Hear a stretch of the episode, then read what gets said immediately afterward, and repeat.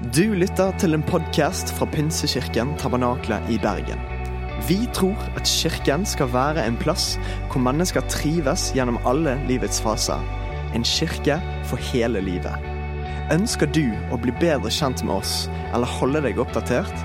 Besøk vår Facebook-side eller ptb.no. Her er ukens tale. Vi skal snakke om disippelskap i dag. Og eh, vi eh, har allerede tjuvstarta litt i formiddag med de som var der i dag. Eh, så eh, var du av de heldige som var der både i formiddag og er her i kveld, så får du det i dobbel dose. Og det kan være ganske greit. André starta denne serien forrige søndag. Og jeg syns han gjorde det knallbra. Syns dere det? André er en utrolig bra pastor og lærer og underviser og coach, og han har det meste. Så vil du ha en god læremester i forhold til å være disippel, så er André veldig å anbefale. Og ikke minst Sandra som sitter her foran. Det er bare det hun har fått til eh, i forhold til ungdomsarbeidet og de hun har med seg der. Jeg syns vi skal gi dem en god klapp òg, jeg.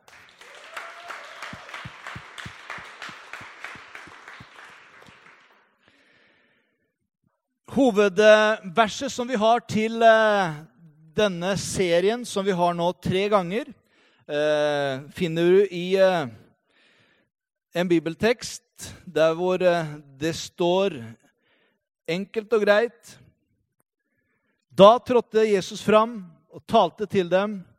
Jeg har fått all makt i himmel og på jord. Gå derfor og gjør alle folkeslag til disipler. Døp dem til Faderens og Sønnens og Den hellige ånds navn, og lær dem å holde alt det jeg har befalt dere, og så er jeg med dere alle dager inntil verdens ende. Kom, følg meg, så vil jeg gjøre dere til menneskefiskere. Og så er dette verset misjonsbefalingen som vi leste nettopp. Han sa, 'Gå ut i hele verden og gjør alle folkeslag til disipler'.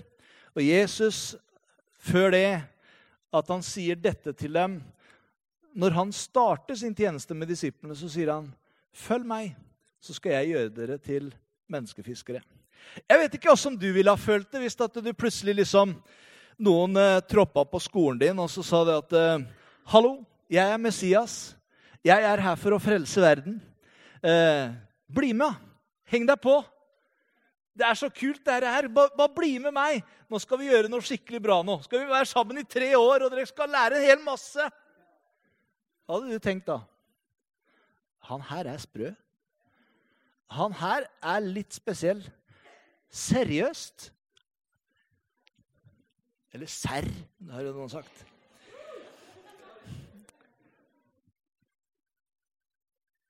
Disiplene de fikk et spesielt møte med Jesus. Og en av de karene som heter Peter Hva var det som gjorde at han turte i det hele tatt å si ja? Det her syns jeg er spennende. Det her har jeg lyst til. Jeg tror André delte veldig bra om det sist søndag, hvor han eh, delte den opplevelsen som Peter hadde i forhold til det å tørre å si ja til å være med Jesus.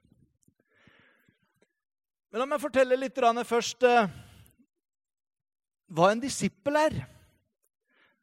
Fordi det er jo det Jesus kalte dem til å være. Og eh, en disippel, det er helt enkelt en lærling. En som lærer å gjøre det andre gjør. Når jeg var ca. sju år gammel, så fikk jeg min første gitar. Jeg hadde lyst til å lære å spille gitar. Og eh, jeg lærte tre grep av mamma. Det var eh, Du gjetter sikkert riktig. Det var D, det var A, og det var G. Det er jo enkleste. Og så hadde jeg en sånn enkel G, så det var bare én finger nede. Det gikk an, det. Er det noen som har lært den? G-en der? Ja, flott. Eh, det går an å gjøre det litt mer i vinkla, men det må ikke gjøre det mer i vinkla enn det. liksom Bare én finger der nede. På tredje der nede, ja. Eh, og D, A og G. Og det, jeg kunne ta et par sanger med det og lærte meg liksom å, dra litt riktig. For det har jo noe med koordinasjonen ikke sant? Det er liksom ikke bare å vite hvor du skal holde fingrene, men det er liksom, det er liksom å, å, få den riktige ja, greia der også. Så jeg lærte meg det etter hvert, og litt, litt rytme, og det hadde jeg jo litt i kroppen. Eh, vokste opp i Latin-Amerika og hadde litt det der. Så, så det gikk bra. Men etter hvert så ble det litt kjedelig liksom å bare spille D, A og G. Eh, og jeg satt alltid foran. Det er veldig bra å sitte helt foran, for det er der det skjer. Det er der du liksom kan henge på hva er det han gjør nå, hva er det han sier nå, eh, og hvordan han gjør det. Og, og sånn satt jeg. Jeg var ikke mer enn sju-åtte år gammel og satt der på første rad og nititta på gitaristen når han spilte. For jeg hadde lyst til å lære å spille gitar. Og han spilte jo ikke bare D, A og G. Han var opp og ned. og Du ser disse her gutta her også. Det liksom, liksom ikke, du, du, greier ikke å følge det. Hva spilte han nå for noe? Nei, det aner jeg ikke. liksom. Det er hele, hele der. ikke sant? Og, og Av og til så stoppa det liksom opp litt, og så så at det, det der så ut som et grep. Eh, og, og, så var jeg på. Med en gang møtet var ferdig, så var jeg ikke mer åndelig enn at jeg løp fram og sa Du, åssen var det der grepet der? For det så, jeg, det så litt kult ut. Og så hadde jeg en spesielt som eh, hadde litt eh, hjerte for denne unge Benjamin Jensen, som var veldig nysgjerrig og ville spille gitar. Eh, så ofte etter samlingene så hadde han tid, og så satte han seg ned en halvtime og så sa han, kom, skal jeg lære deg å spille. Så lærte han meg en del grep, og etter hvert så lærte jeg noe sånn kult som heter bargrep. Da kunne du ha den ene pekefingeren sånn, og så kunne du ha de andre sånn. Og da kunne du jo spille plutselig masse flere eh, akkorder oppover på gitaren. Og det gjorde det jo mye enklere at du kunne spille mye mer forskjellig. Og så lærte jeg meg etter hvert å spille gitar. Hva er det for noe? Det er disippelskap. En som tok tid for å lære en ung gutt noe han kunne, som ikke jeg kunne, men som jeg fikk lov til å lære fordi en kunne og ville lære det bort. I samfunnet så har vi også lærlinger, og man har skjønt det at det er lurt å ikke bare sitte på skolebenken og lære en hel masse teori. Men de sender deg ut på praksisperioder. De sender deg ut på forskjellige ting. Setter deg sammen med en coach, noen som er dyktige i det de gjør. Og så sier de, 'Kom, bli med meg, skal du lære hvordan du virkelig tar blodprøve her.'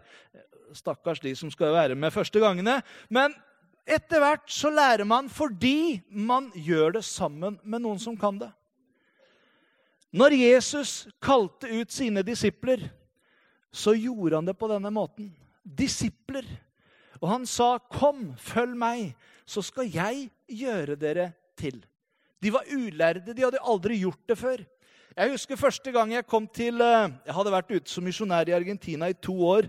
Eh, som miljøarbeider på en norsk skole og eh, hatt eh, barna til norske misjonærer som jeg var ute på tur med osv. Gjorde masse forskjellig. Og så ble jeg kalt, eh, når jeg skulle tilbake til Norge igjen, så ble jeg kalt som ungdomspastor til eh, menigheten der hvor Linda var medlem. Etter hvert så ble hun mer enn medlem. Hun ble den jeg gifta meg med, og vi har vært gift i 27 år i disse dagene her. Det er utrolig bra. Men når jeg kom dit, så hadde jeg en fantastisk eh, mester, lærer, coach. Han eh, hadde vært misjonær i mange år, het Helge Adolfsen. Og han var en utrolig bra, ikke bare pastor, men han var en god mentor og en god lærer. Så jeg husker jeg kom dit. Jeg hadde aldri f.eks. Eh, hatt et bryllup. Jeg hadde vel eh, knapt nok døpt noen. Jo, det hadde jeg noen få. Eh, men eh, jeg hadde aldri hatt eh, bryllup eller begravelser. Det hender jo at man må ha noe sånt i menigheten også. Og jeg husker Det var ikke mer enn en ukes tid jeg hadde vært i, eh, i salen Halden. Så kommer Helge Adelsen og sier du, det er en eldre i menigheten som er død. Vi skal ha begravelse nå på torsdag. Nå må du bli med. Og jeg sa ja, det kan jeg gjøre. Jeg var villig lærevillig og ville liksom lære hvordan uh, man gjorde det. Og så sa jeg men jeg skal ikke gjøre noe, jeg vel. Nei da, sa han. Du skal bare se på. Men, sa han, neste gang det er begravelse, skal du gjøre det. Og jeg tenkte nei, det går jo ikke. Jeg kan jo ikke ha begravelse. Det er sånn som gamle folk har. Eh, men så skal ikke du bli pastor? Skal du ikke trenes opp? Jo, sa jeg. Ja, men da må du jo lære det. En del av de tinga vi må gjøre det, sa han av og til. Ja, og jeg ble med på en begravelse og så hvordan han gjorde det. Eh, og neste gang Jeg bare håpa liksom at det var lenge til neste gang. Men det var ikke så veldig lenge til neste gang. Så var det en eldre til som eh, var død. Og så sier Helge Adolfsen, 'Husker du avtalen?' han. 'Neste tar du.' Og jeg tenkte ah, 'Kan du ikke ta én til, da?' 'Nei', sa han. 'Det skal gå veldig bra, men jeg skal bli med deg. Jeg skal sitte foran der.' så skal jeg, liksom, Hvis du stopper opp, så, skal jeg, så, så hjalp han meg. Så gikk vi ordentlig gjennom, og så var jeg med på min første begravelse hvor jeg fikk lov til å få rette. Jeg skal ikke si at det, det gikk så 100 bra, men eh, jeg mener, hun merka jo ikke så mye, hun som var død. Eh, og familien var veldig glad etterpå. Så eh, begravd ble hun. Og det gikk veldig fint. Ikke lenge etterpå så var det bryllup. Og så sier Helge Adolfsen igjen nå er det bryllup. Nå skal du bli med på bryllup, sa han. Nå skal du sitte foran, og så skal du se hvordan jeg gjør det. For neste bryllup, sa han, da er det du som skal vie. Jeg tenkte nei, ikke nå igjen. Og på den måten der så så han noe i en kommende leder som trengte opplæring. Jeg var jo ikke utlært pastor når jeg kom ut fra en bibelskole, selv om jeg trodde det. For det tror jo alle som har gått på bibelskole. Nå har vi gått helt opp på bibelskole. Det er ikke en ting jeg ikke kan. Bare spør meg om hva som helst. Jeg takler det. Men så kommer praksisen av mye av det teoretiske jeg har lært. Og så skjønner jeg det er jo noe helt annet. Og da er det godt å ha sånne folk som sier 'Kom, bli med meg, jeg skal vise deg hvordan'. Og så var det ikke lenge etterpå som jeg fikk stå foran der og være den som eh, skulle vie et ungt par i menigheten. Og Helge Adolfsen satt der og fnisa litt. Og 'Det går veldig bra, det her, Benjamin', sa stopp. Og Og liksom gjorde tegn der nedenfra. gjør det bra.' Så hadde jeg jo lært hvordan jeg skulle gjøre det. Og etter hvert så har man blitt tryggere på alle disse tingene som man en gang var første gang man måtte gjøre. Flere av dere som sitter her, som eh, etter hvert har blitt med i en tjeneste Dere var kanskje litt sånn første gangen du ble satt til bønneleder og tenkte 'Bønneleder, jeg?' 'Jeg har jo aldri vært bønneleder før.' Nei, men en gang må jo være den første. Og så var det noen som kanskje tok med, var med, leda. Og etter hvert så gjør man det. Vi trenger noen som går foran og viser oss hvordan. Og det er det disippelskap handler om. Jesu disipler de hadde aldri vært disipler på den måten med Jesus før. Men uh, Jesus tok dem med på forskjellige turer, på forskjellige reiser. Og så etter hvert så fikk de prøve seg. Av og til så sendte han ut uh, de tolv ut på prøve. og skulle forkynne himlenes rike er kommet nær. Legg henda på de syke og be for dem. I Jesu navn så skal de bli friske.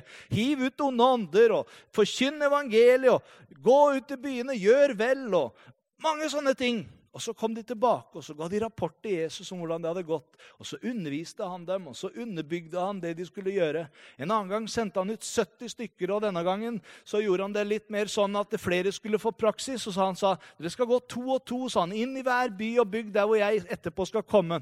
Og når dere kommer inn i et hus, så eh, si som fred være med dette huset, og er det noen som er syke der, så be for dem at de skal bli friske. Og blir de friske, så skal dere si himlenes rike har kommet til dette hus og så kan dere dele evangeliet med dem. Og så kommer de tilbake til Jesus etterpå. Jippi! Liksom helt i hundre. Selv de onde ånder bare, vi så bare en føk av gårde når vi bare sa 'i Jesu navn'. Og Jesus sto der og bare fryda seg sammen med dem og sa det her er disippelskap. Jeg får lov til å være med og trene dem opp. Vet ikke om Jesus allerede visste og tenkte jeg har tre år å gjøre det på, og så skal jeg bort. Jeg skal gi mitt liv til frelse for alle menneskene. Og disse tolv, som etter hvert ble 70, etter hvert ble 120 Og før Jesus eh, farer opp til himmelen, så står det at over 500 var samla på et sted. Disipler som hadde lært av Jesus, som etterpå evangeliserte hele den daværende verden.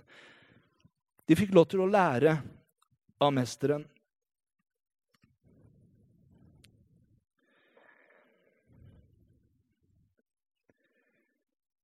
I Johannes 15, vers 4-5, så står det 'Bli i meg, så blir jeg i dere'.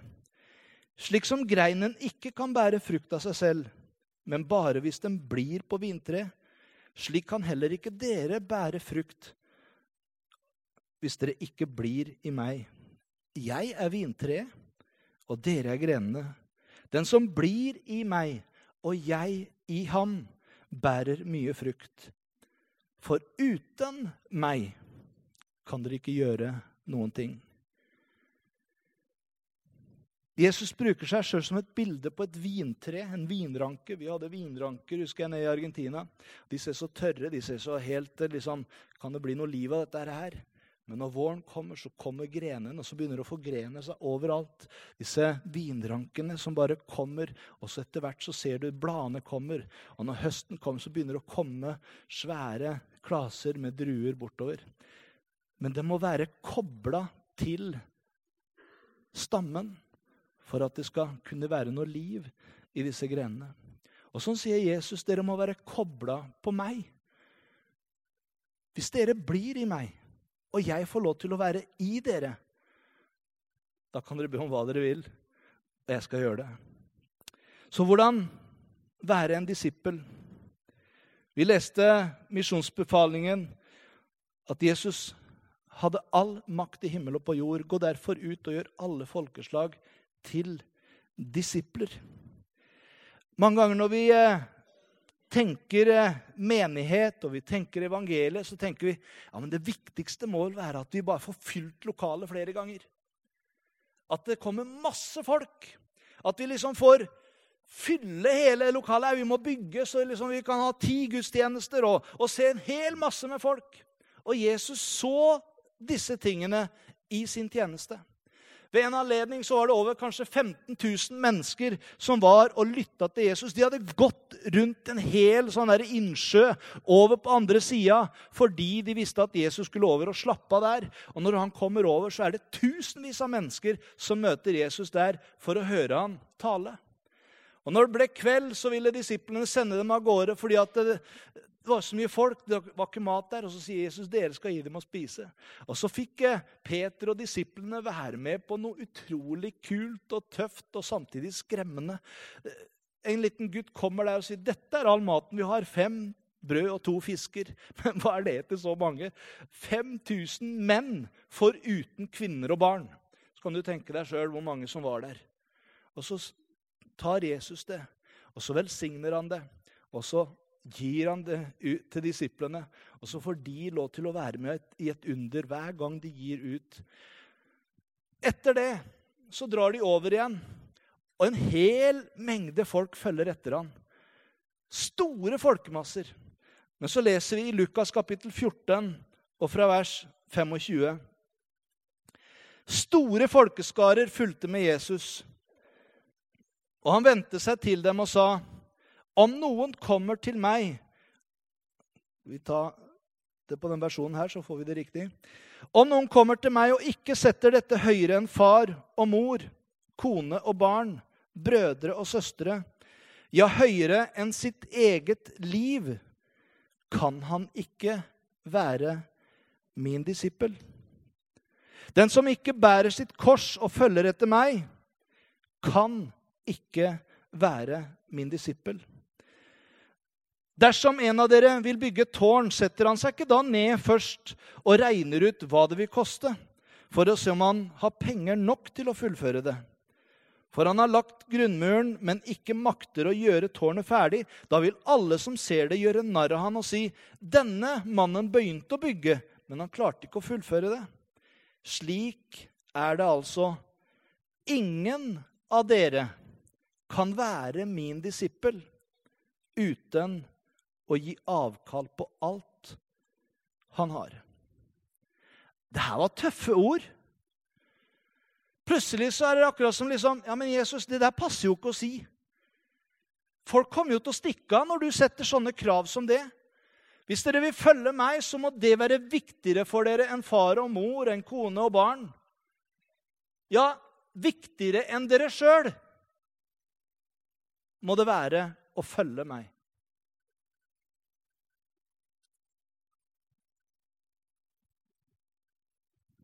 Og den som ikke tar opp sitt kors hver dag Hva betyr det for noe, da?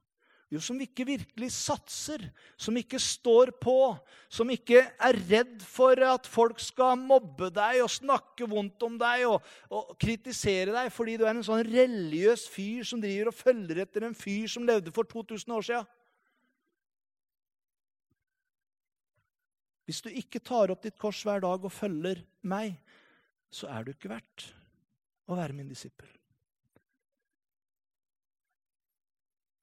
Og som ikke det skulle være nok, så sier hun alt det du har, alt det du eier, er egentlig mitt. Så hvis du ikke er villig til å forsake alt det du har for å følge meg, så kan du ikke være min disippel. Og Ved en anledning så taler Jesus dette og andre ting til en stor folkemengde. Og de syntes det var tøffe ord. Så det her ligner jo ikke akkurat det der matunderet. og Det er derfor vi følger deg. Det er så mye kult som skjer. Folk blir helbreda. Det er Liksom, de trenger ikke å lage middag engang. Det er bare å følge deg, så blir det liksom, det blir fisk og det blir brød. og En annen gang var det 4000 som ble metta. Det er liksom skikkelig kult å henge med Jesus. Der, der er det liksom Ja, det er ikke noe å lure på det, om man skal ha hybelen eller hvor man skal spise en. Det er bare å følge Jesus, så skjer det ting. Men dette var annerledes. Det var akkurat som Jesus begynte å stille noen krav. Og det som skjer da, det er at folk begynner å forlate Jesus. Og de går den ene etter den andre. Og Til slutt så var det ikke 1000 mennesker der. Det var ikke 5000 mennesker der. Men det står igjen en gruppe på tolv disipler. Og så sier Jesus til dem Hvis dere vil gå, dere også, så skal ikke jeg hindre dere. Dere kan gå. Og Det er da en Peter som hadde fått lov til å oppleve ting med Jesus. Som hadde satsa alt på Jesus. Som hadde satsa sin karriere på Jesus. Han hadde satsa familie og venner og alt det han kunne på en måte ha for å følge Jesus.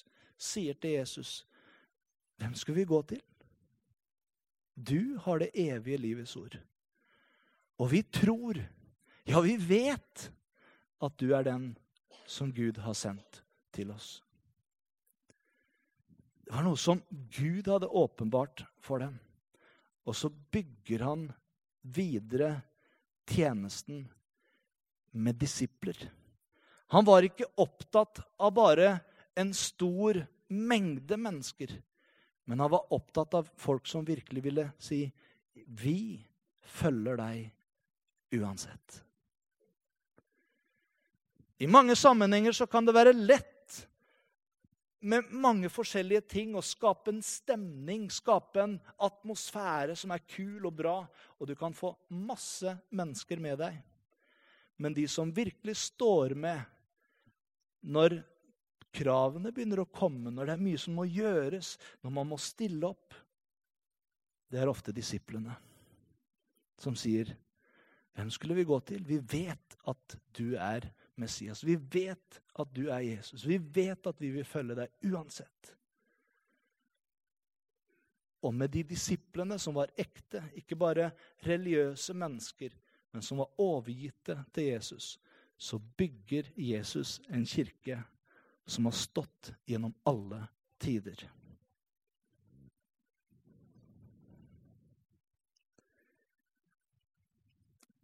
Vi leser her at store skarer eller mye folk vandret med ham. Men at Jesus tydelig ikke var så opptatt av skarene. Han var opptatt av disipler. Ifølge det Jesus selv sier, så kan vi i hvert fall definere tre grunnleggende kriterier som vi bør sammenligne oss med dersom vi ønsker å være Jesu disipler. For det første, en disippel identifiserer seg med Jesus. Det betyr at du har hatt et personlig møte med ham. Og som resultat av det personlige møtet med ham, så lever du nå i hans nærhet og søker daglig fellesskap med Jesus.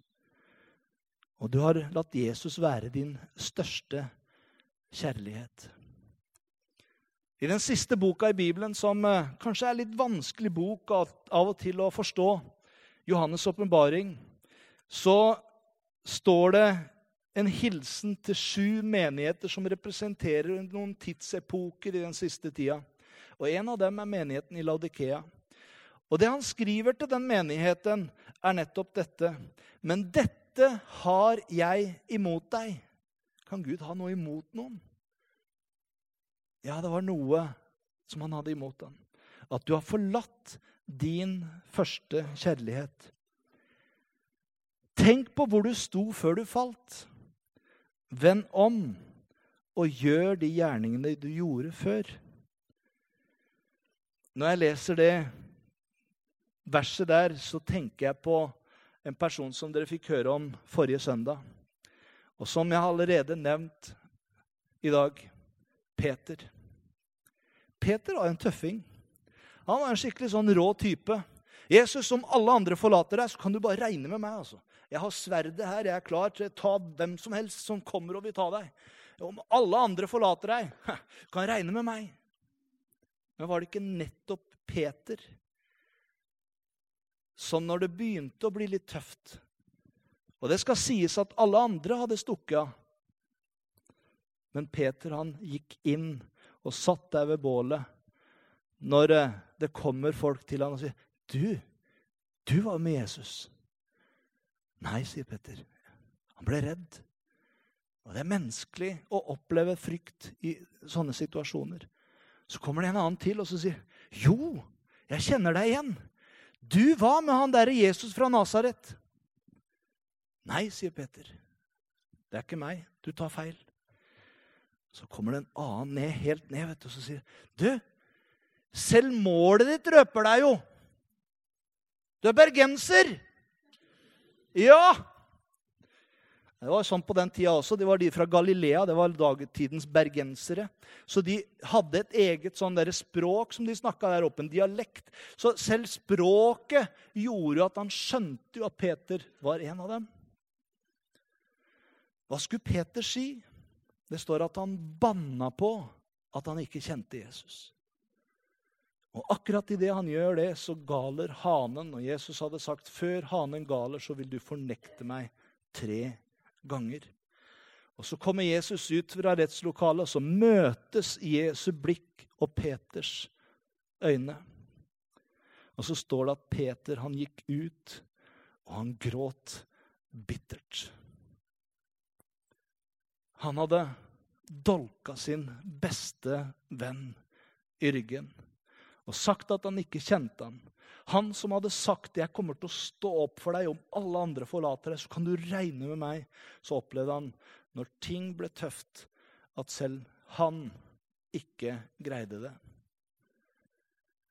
Vet du hva? Jeg er så glad for at uh, Bibelen har fortellinger som også Peter sikkert hadde lest om. Det sto i Det gamle testamentet.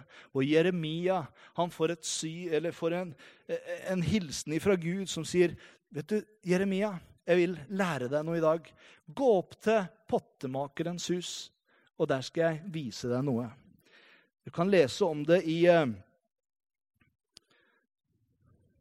Jeremia kapittel 18, fra vers 1 til 6. Dette ordet kom til Jeremia fra Herren. Stå opp og gå ned til pottemakerens hus. Der skal jeg la deg få høre mine ord. Så gikk jeg ned til pottemakerens hus, og han sto og arbeidet ved dreieskiva. Når karet holdt på å lage av leiren, ble mislykket i pottemakerens ånd, laget han det om til et annet kar, slik han synes var riktig. Da kom Herrens ord til meg. Israels hus, kan ikke jeg gjøre med dere slik denne pottemakeren gjør med leiren, sier Herren. Jeg syns det er så bra bilde. Og jeg tror Peter han trengte en sånn opplevelse. For bare ikke lenge etter at Jesus står opp igjen fra de døde Ja, før det, når Maria får et møte med Jesus og sier Jesus, 'Gå og si til disiplene' og til Peter. Legg merke til det. Og til Peter at jeg går i forveien for dem til Galilea. Peter trengte den hilsen.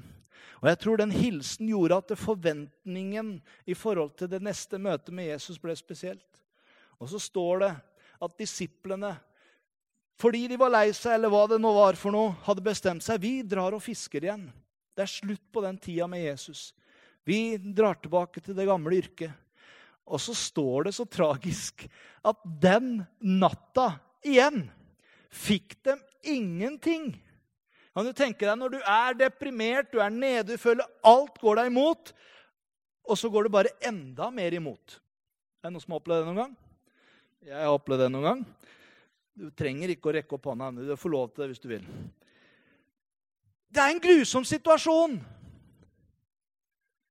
Og så har du forrådt din beste venn. Og så er det ikke noe fisk. Altså Selv det jeg trodde jeg kunne og fikk til, får jeg heller ikke til. Det er jo ingenting som fungerer lenger. Og så er de på vei inn med båtene. Så kjenner de det lukter barbecue. Fish and chips på stranda. Og der er Jesus og lager til det flotte kveldsmåltidet. Eller frokost, var det kanskje. Når de kommer inn slitne, trøtte og har ikke fått noen ting. Og så møter Jesus dem der. Og så møter han en Peter. Og Johannes, som var glad i Jesus også, han, han kjenner en Jesus når de er på vei inn med båten, og sier til Peter, 'Peter, jeg tror det er Jesus.' Og Det står at han bare kaster kappa, og så hiver han seg i vannet, og så svømmer han i land før de andre. Fordi han trengte å møte Jesus. Jeg vet ikke om han fikk fram et eneste ord, Peter, når han kom, men de blir stående der, han og Jesus. Og så står det at Jesus stiller Peter et spørsmål. Peter gikk kanskje bort og satte seg et sted der, og så sier Jesus til Peter, 'Peter, elsker du meg?' elsker deg, Jesus. Du vet jo at jeg har deg kjær. Han turte ikke å si, han syntes kanskje det var litt for sterkt å si 'jeg elsker deg'. Han visste jo hva han hadde gjort. Og Jesus han eh, bebreider han ikke for noe av det som han har gjort. I hvert fall ikke kan vi lese om det.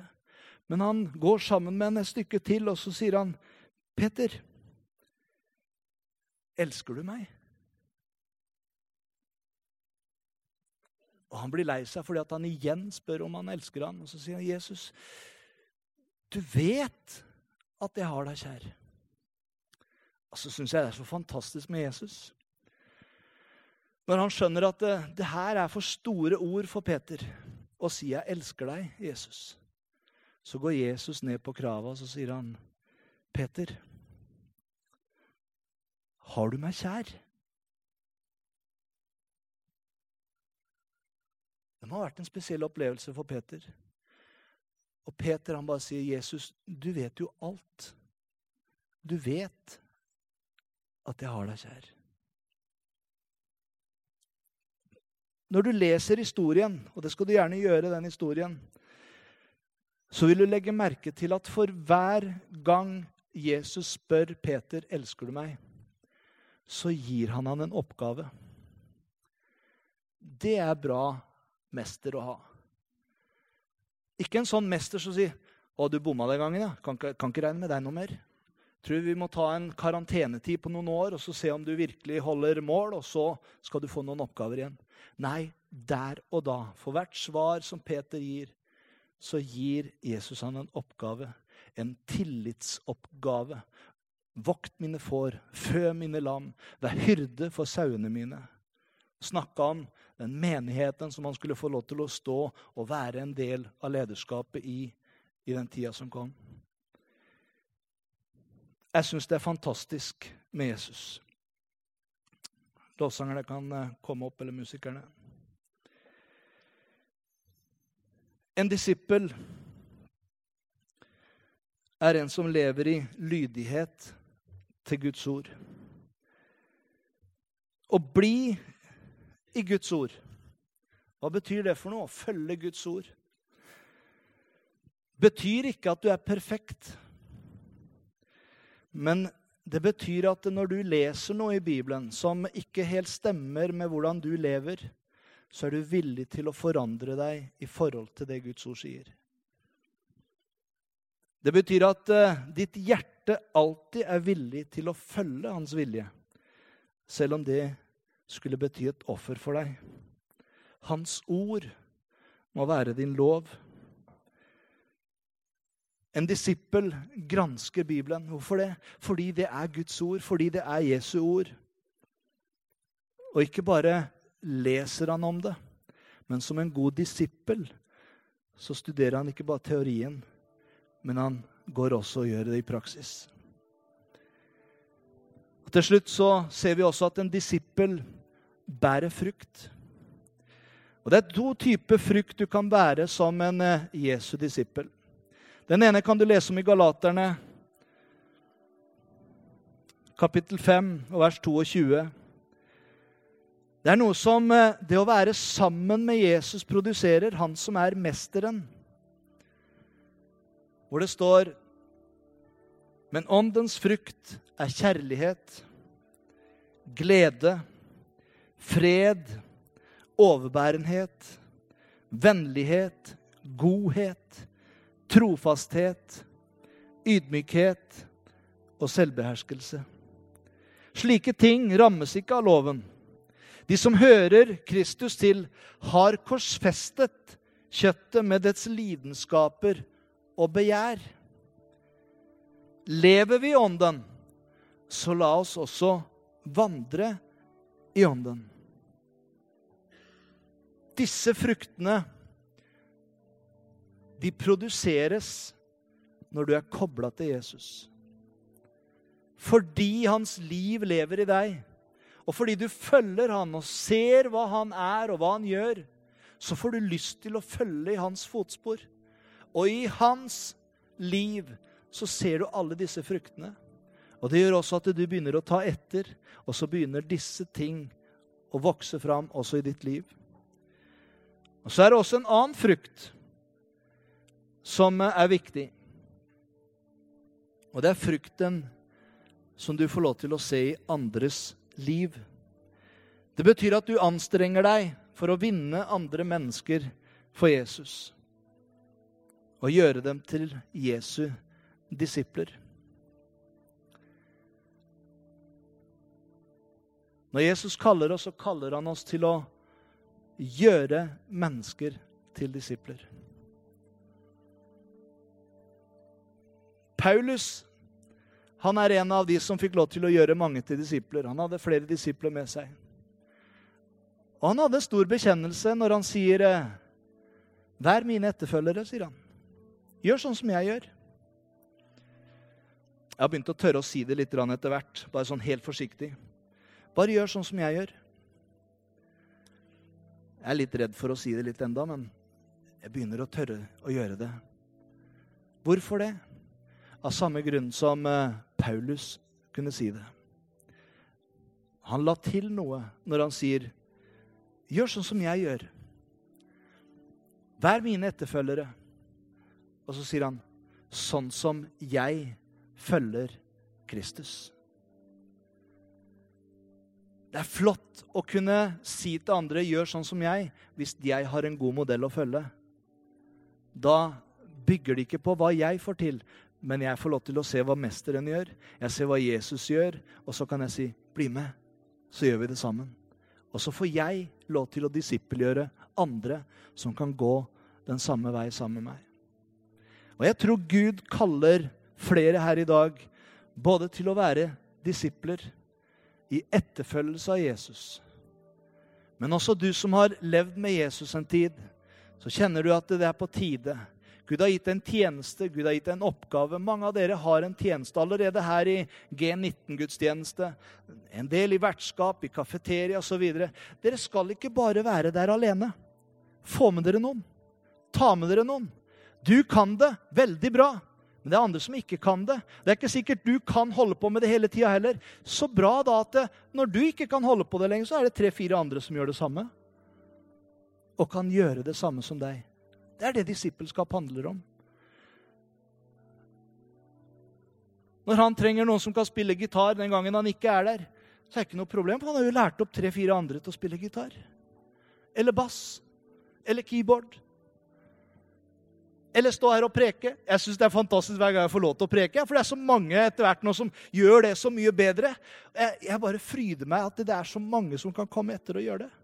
Det handler om å bygge inn disippelskap. Og på den måten så formeres Guds rike.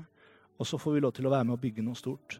Som betyr noe ikke bare for denne byen, men utover denne byen. Få lov til å være med og gjøre det samme plante andre menigheter, plante andre misjons, i misjonsland osv. osv. Det er det som er kallet helt til Jesus kommer. Gjøre disse